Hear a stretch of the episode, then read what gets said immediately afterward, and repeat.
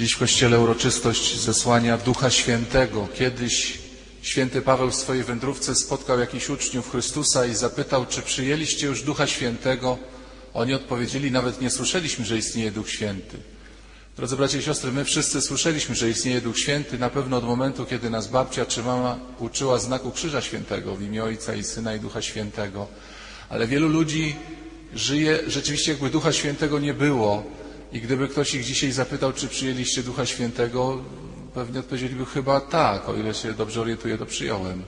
Ale tego poczucia, że On jest, że On żyje, że to jest takie bardzo ważne święto w Kościele, że bez Niego nic uczynić nie możemy, nie możemy wyznać wiary, nie możemy być w ogóle chrześcijanami, ta świadomość się ciągle w tym masowym Kościele jeszcze rodzi.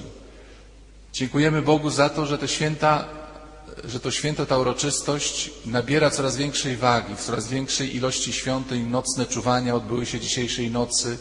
Czy taki, drodzy bracia i siostry, drobiazg, że chyba po raz pierwszy w życiu dzisiaj otrzymałem przez internet dwa życzenia. Życzę z okazji zesłania Ducha Świętego księdzu tego i tego. Na Boże Narodzenie dostajemy życzenia, na Wielkanoc dostajemy życzenia, ale na zesłanie Ducha Świętego to mi się pierwszy raz w życiu zdarzyło i bardzo się z tego cieszę.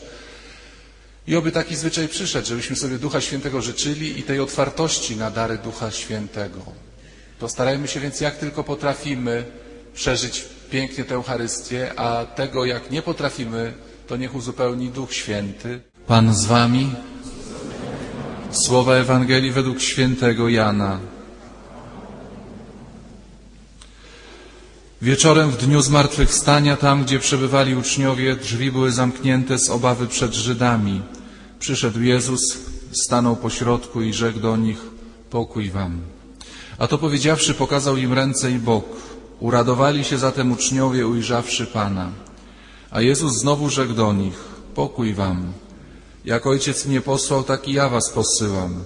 Po tych słowach tchnął na nich i powiedział im, weźmijcie Ducha Świętego, którym odpuścicie grzechy są im odpuszczone, a którym zatrzymacie są im zatrzymane. Oto słowo Pańskie. Drodzy bracia i siostry, jak w wiele innych niedziel, tak i dziś w czytaniach i w homiletycznej refleksji spotykamy i spotkamy apostołów. Apostołowie są naszymi nauczycielami e, wędrowania z Jezusem i przy Jezusie. Bardzo często w Ewangelii jest mowa o apostołach, że coś zrobili, coś powiedzieli. No i tak nas uczą i my tak się im przyglądamy i konfrontujemy nasze życie w świetle ich życia. I przez wiele niedziel jest nam z tymi apostołami bardzo miło. My ich nawet bardzo lubimy, tych apostołów, bo oni strasznie rozrabiali. I co i raz jakąś plamę dawali, coraz się kłócili, który z nich jest większy i tam mądrzyli się i wino w kanie pili. No fajnie tak wszystko. Niezapobożni byli na początku i dużo w nich było grzechu, to nam jest tak raźniej. Ale dzisiaj takie, jak, przepraszam za porównanie, takie odczucie, dzisiejsze czytanie i dzisiejszy dzień to jest taka sytuacja, jakbyśmy tych apostołów odprowadzili na lotnisko Okęcie, tak żeśmy sobie tu chodzili po Warszawie z nimi przez parę miesięcy. No i pożegnali się z nimi. Oni przeszli przez tą odprawę paszportową, my jeszcze im pomachaliśmy, a potem odlecieli Duchem Świętym. I potem jeszcze ich będziemy spotykać w dziejach apostolskich. Boże, to my już tylko w kącie stoimy, bo oni już tacy mądrzy. Po tym zesłaniu Ducha Świętego jacy odważni i kajdany im z rąk spadają i mówią, że oni się cieszą, jak cierpią dla Jezusa, to już my tego za bardzo nie rozumiemy. I potem jak otworzymy list świętego Jana, Piotra czy Jakuba, to już niewiele z tego listu rozumiemy. Do tej pory jak Piotr się odzywał, to myśmy go rozumieli. Po Ducha Świętego, jak on list napisał, to teraz już doktoraty i habilitacje i Kościół na ten temat naucza. Ale mówiąc poważnie, to znaczy ja cały czas mówię poważnie, chociaż w tych obrazach, że apostołowie, dziś jest jakiś nieprawdopodobny moment przełomowy w ich życiu i w życiu Kościoła, napełnienie Duchem Świętym.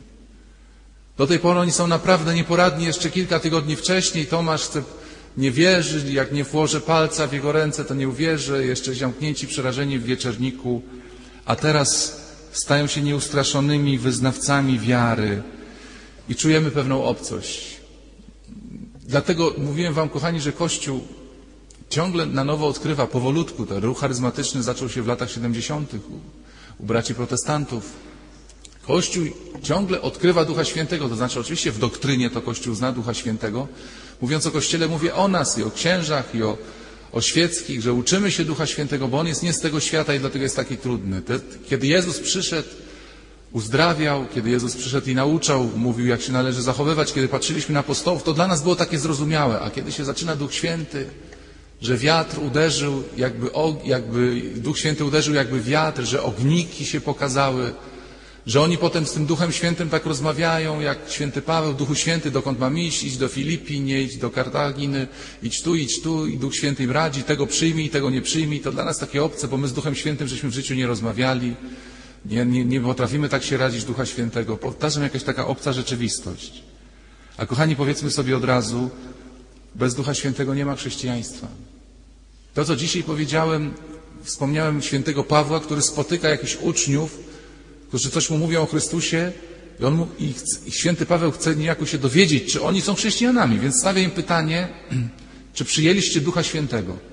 Proszę zwrócić uwagę, że to w ogóle kryterium niefunkcjonujące w naszych rozmowach, przynajmniej tak powszechnie, że jak mówimy o sąsiadach, że są wierzący, o, ci sąsiedzi są wierzący, do kościoła chodzą, u nich to i pijaństwa nie ma i oni bardzo tak zgodnie żyją, ładnie dzieci wychowują, to my to mówimy.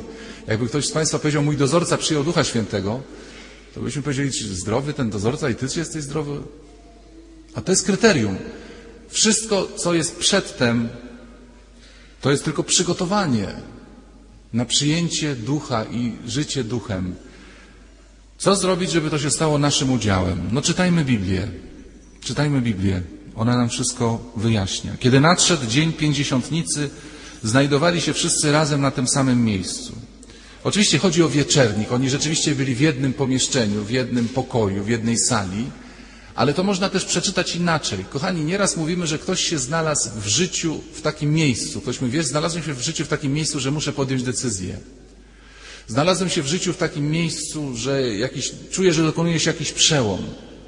Można się znaleźć nie tylko w miejscu, w restauracji, w tramwaju, ale można się znaleźć w życiowym miejscu. I apostołowie się znaleźli pewnym życiowym miejscu już po tych 50 dniach od yy, zmartwychwstania Pana Jezusa. Właśnie w tym jednym zdaniu mamy, znaleźli się wszyscy na tym samym miejscu, kiedy nadszedł Dzień Pięćdziesiątnicy.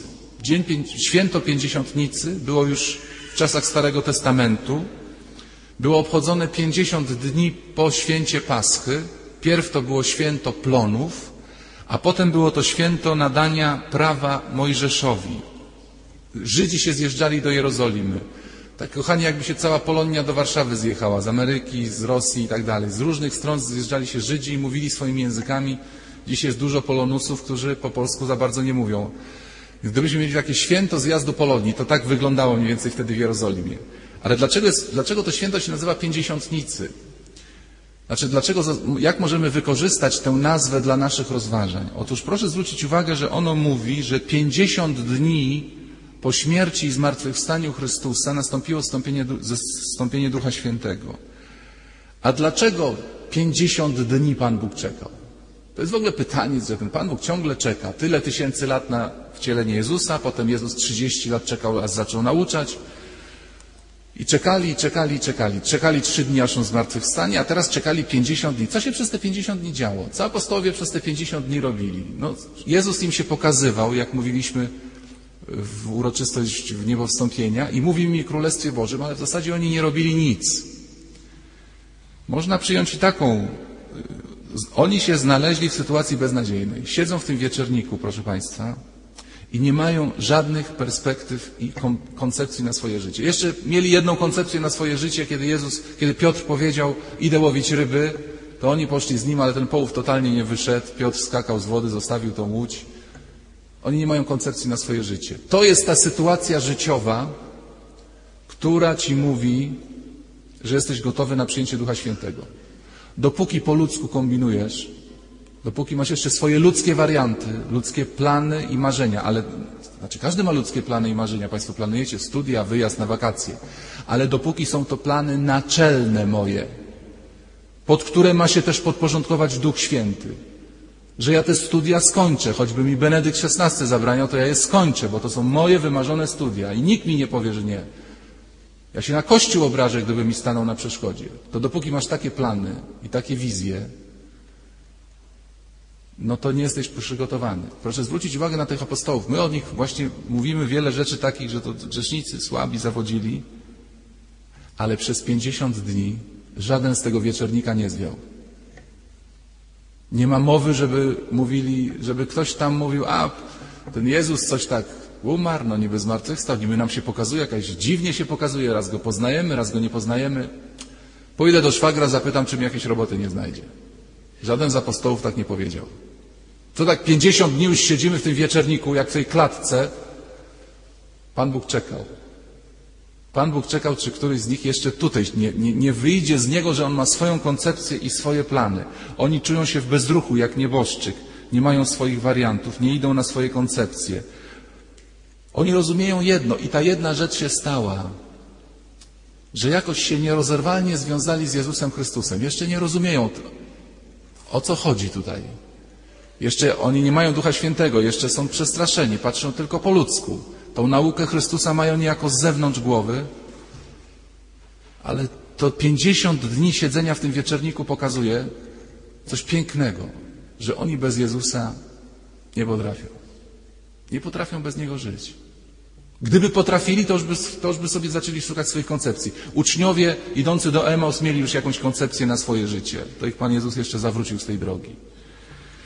Nawet Piotr, jak wyznawał grzechy, przepraszam, wyznawał miłość Jezusowi, kiedy ten trzy razy go spytał, czy ty mnie miłujesz, to płakał, był bezradny, był śmieszny, ale mówił, Jezu, ja już bez ciebie nie potrafię.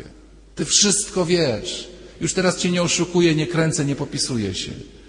Otóż, kochani, to dlatego może Duch Święty zastaje nieraz w naszych sercach zamknięte wrota i go nie wpuszczamy, bo my pytamy Duchu Święty, a po co przyszedłeś?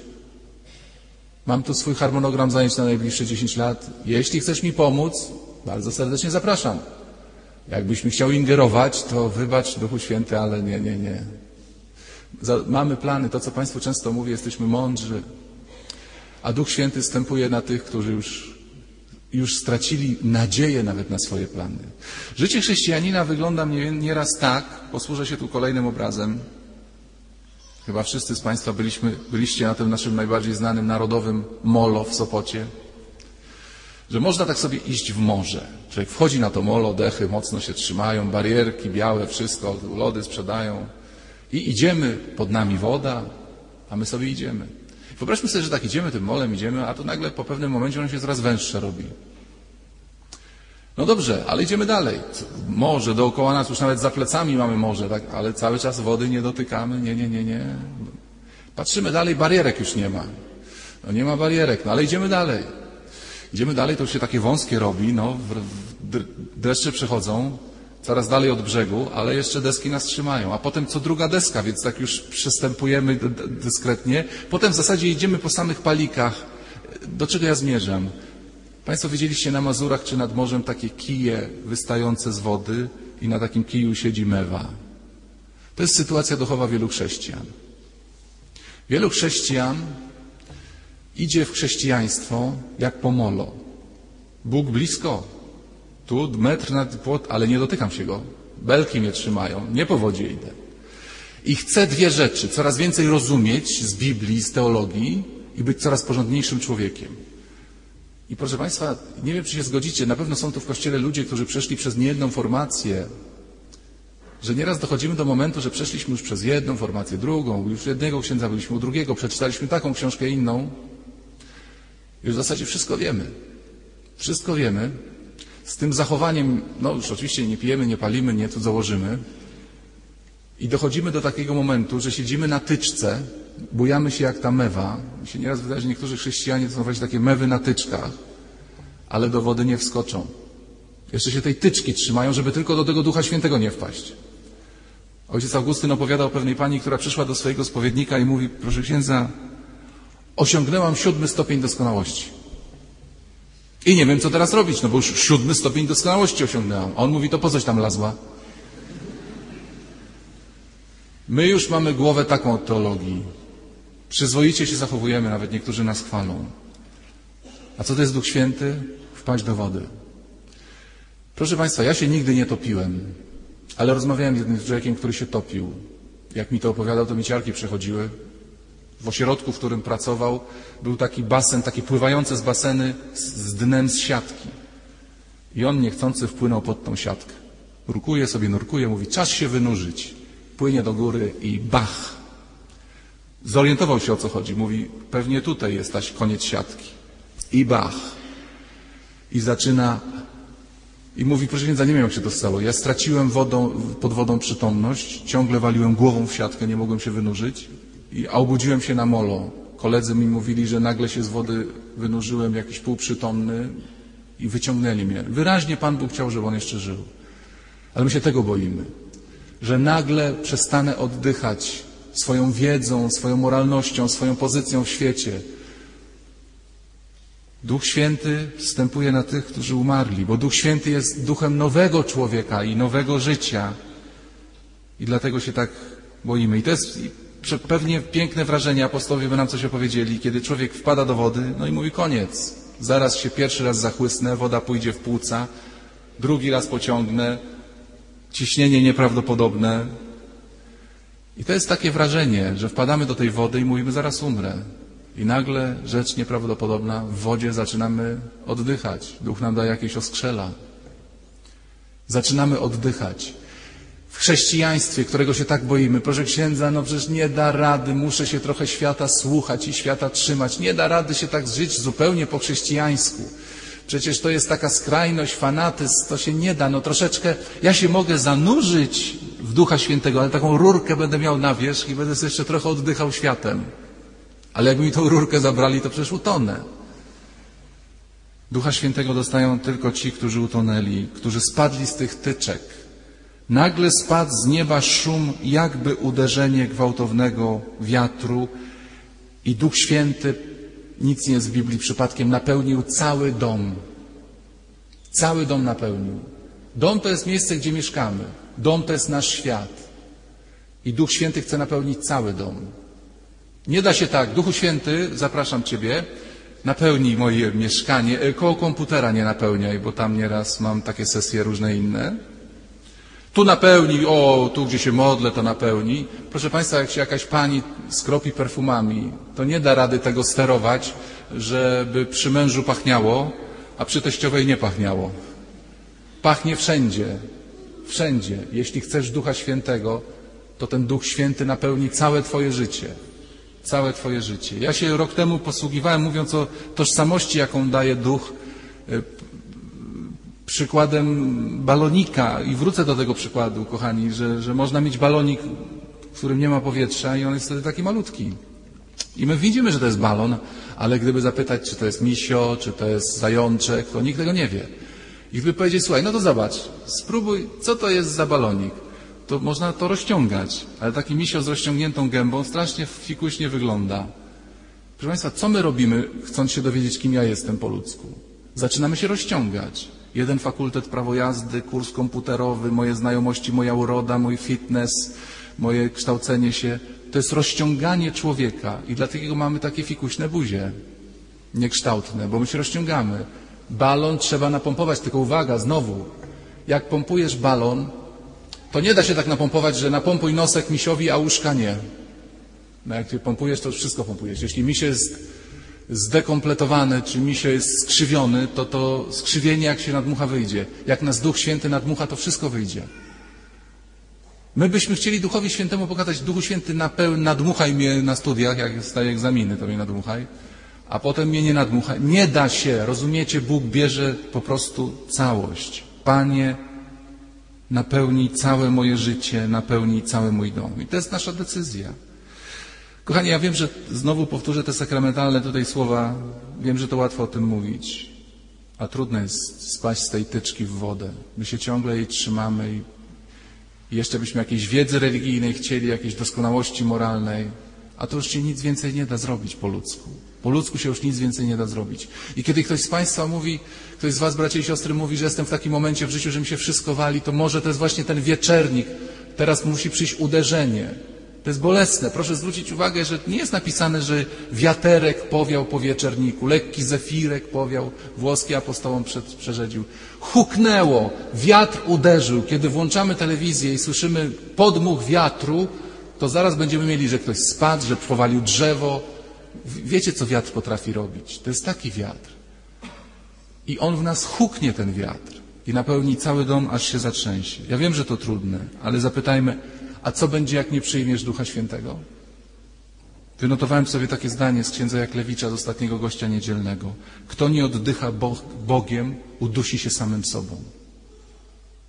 Ależ mi się to spodobało. Ludzie się duszą samym sobą. Przysiędza, już mam dość tych swoich problemów, już mam dość tego analizowania siebie, już mam dość tych swoich porażek, już mam dość tego, że ciągle się sam sobie nie podobam, już ja, ja, ja, ja, ja. Dusisz się samym sobą. Jeśli nie zaczniesz oddychać Duchem Świętym, udusisz się samym sobą, swoją religijnością, swoimi problemami. A Duch Święty jest to Boży respirator, że zaczynamy oddychać. Ale powtarzam, trzeba, trzeba tą rurkę, te swoje ludzkie butle z tlenem odrzucić. I dopiero zaczną działać te ostrzela czy płuca Ducha Świętego. I dopiero wiedza, która jest zewnętrzna, bo co robi Duch Święty? Duch Święty nam przekłada wiedzę z głowy do serca. To wszystko, co my wiemy o Trójcy, o miłości, o Biblii, o Maryi, to jest często wiedza tylko teoretyczna i Duch Święty ją wprowadza do naszego wnętrza. Zaczynamy mówić już nie ja i Bóg, że On, że ten Bóg to czegoś ode mnie chce, a ja to się Mu nie poddaję, tylko zaczynamy mówić my. Mi się to tak bardzo podoba, e, jak przychodzą e, dziewczyny, opowiadają o swoich chłopakach narzeczonych, wie ksiądz, ja tak mu mówię, a on mi tak zrobił, to ja mu powiedziałam tak, a on mi powiedział tak, a po ślubie przychodził przy księdza, zapraszamy księdza na obiad.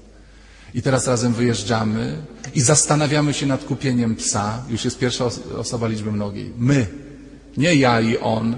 Nieraz potem po latach małżeństwa znowu wraca się na ja i on. On mi coś tak podpada, a ja mu mówię, żeby był grzeczny. Natomiast my razem, my, ja i Duch Święty, my razem.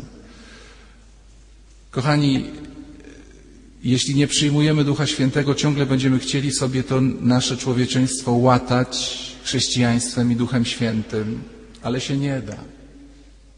Jestem taki właśnie ciągle bezradny, kiedy ludzie przychodzą do nas, do księży, rozwiązać swój problem przy pomocy Pana Boga. Tylko ten jeden problem. A może porozmawiamy o Pani religijności, o Pani prawdomu? Nie, nie, nie, proszę, nie ma czasu. Chodzi mi tylko, żeby syn jakoś wyszedł z tego złego towarzystwa. Czy na ten jeden problem Duch Święty mógłby dmuchnąć?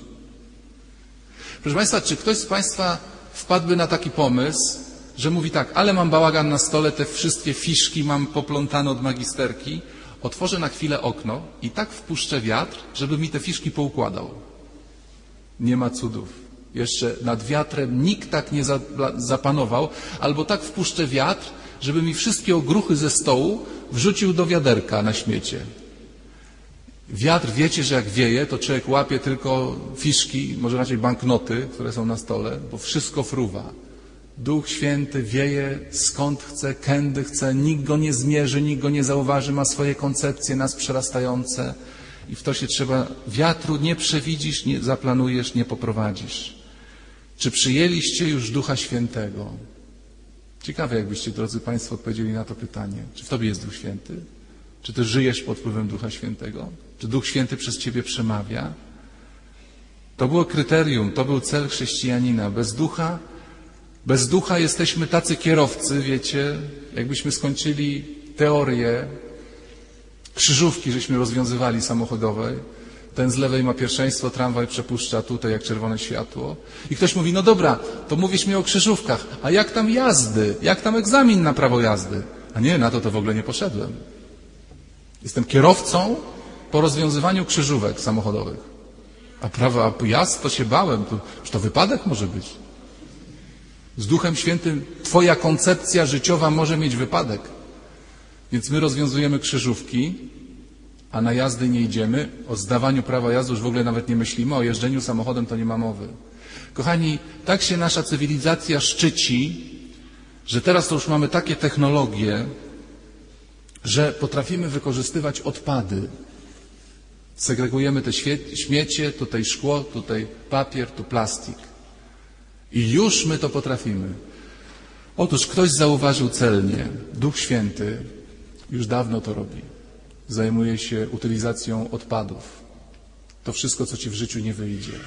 Apostołowie też mieli prawo myśleć, że im życie totalnie nie wyszło. Uwierzyli w jakiemuś Nazarejczykowi, jakiemuś prorokowi, a potem coś się dziwnie zaczęło dziać, nie tak jak oczekiwali. I szatan mówił, zmarnowałeś życie, dałeś się oszukać, zobacz, siedzisz w wieczerniku, żonę zostawiłeś, zawód zostawiłeś, pieniędzy z tego nie ma, stanowiska z tego nie ma, śmierć ci grozi w każdej chwili, ale żeś się dał nabrać. Odpad jesteś. Kochani, wielu z was może myśleć, kształciłem się, doskonaliłem się, formację przechodziłem, a teraz co? Chodzę smutny, chodzę struty, do śmieci się nadaję. No to się nadajesz na Ducha Świętego. Duch Święty przerabia odpady. Jak ta mewa, taka mewa, co już jej to skrzydło opada, oczy ma zaropiałe.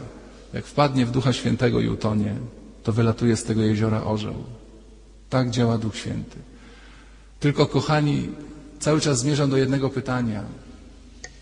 Czy Ty chcesz przyjąć Ducha Świętego? To jest najtrudniejsze pytanie świata. Czy Ty chcesz, żeby Cię taki wiatr w Ciebie wstąpił, taki wicher, taka wichura w Ciebie wstąpiła?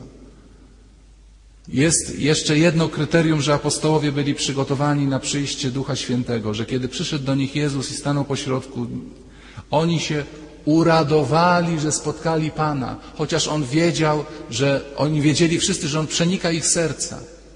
Ja to Wam, kochani, już mówiłem. Chcesz spotkać Jezusa, który przenika Twoje serca? Drodzy studenci, jak się czujecie na takie hasło? E, Gośka, e, masz się pilnie zgłosić do dziekanatu. O kurczę, coś nie tak. Szef cię pilnie wzywa. Biegnij szybko do szefa. Kazał błyskawicznie, żebyś... To nie wróży nic dobrego. Najlepiej jest, jak szef nie wzywa i z dekanatu. My, księża, jak dostajemy list z kurii, to też się przeżegnamy, zanim otworzymy. Bo to nie jest, nie wiadomo, czy to człowiek za trzy dni będzie w domu u siebie nocował, czy gdzieś na drugim końcu Warszawy. I jak przychodzi Jezus, twój szef, który cię patrzy i przenika, cieszysz się? Jezu, kochany, nic nie mam, wszystko jestem czyściutki w środeczku. Panie Jezu, daj mi swojego ducha. Czy mówimy, Jezu, mógłbyś poczekać z 10 minut, ja się przyszykuję. Rozradowali się uczniowie, że przyszedł do nich ten, który zna ich serca. To znaczy, że te serca były już wtedy naprawdę czyste. Umęczone, udręczone, niedoskonałe, ale w swojej jakiejś bezradności czyste. Z tym pytaniem zostańmy, bo każdy z nas będzie się modlił teraz w czasie liturgii eucharystycznej. Tu Duch Święty stąpi, tą białą hostię, ten kielich wina przemieni w ciało i krew. Nas będzie konsekrował święty Kościół. On tu działa. Liturg, bez liturgii, bez Ducha Świętego nie ma liturgii. Czy chcesz? To jest ostatnia furtka, którą musimy otworzyć, żeby On w nas wszedł.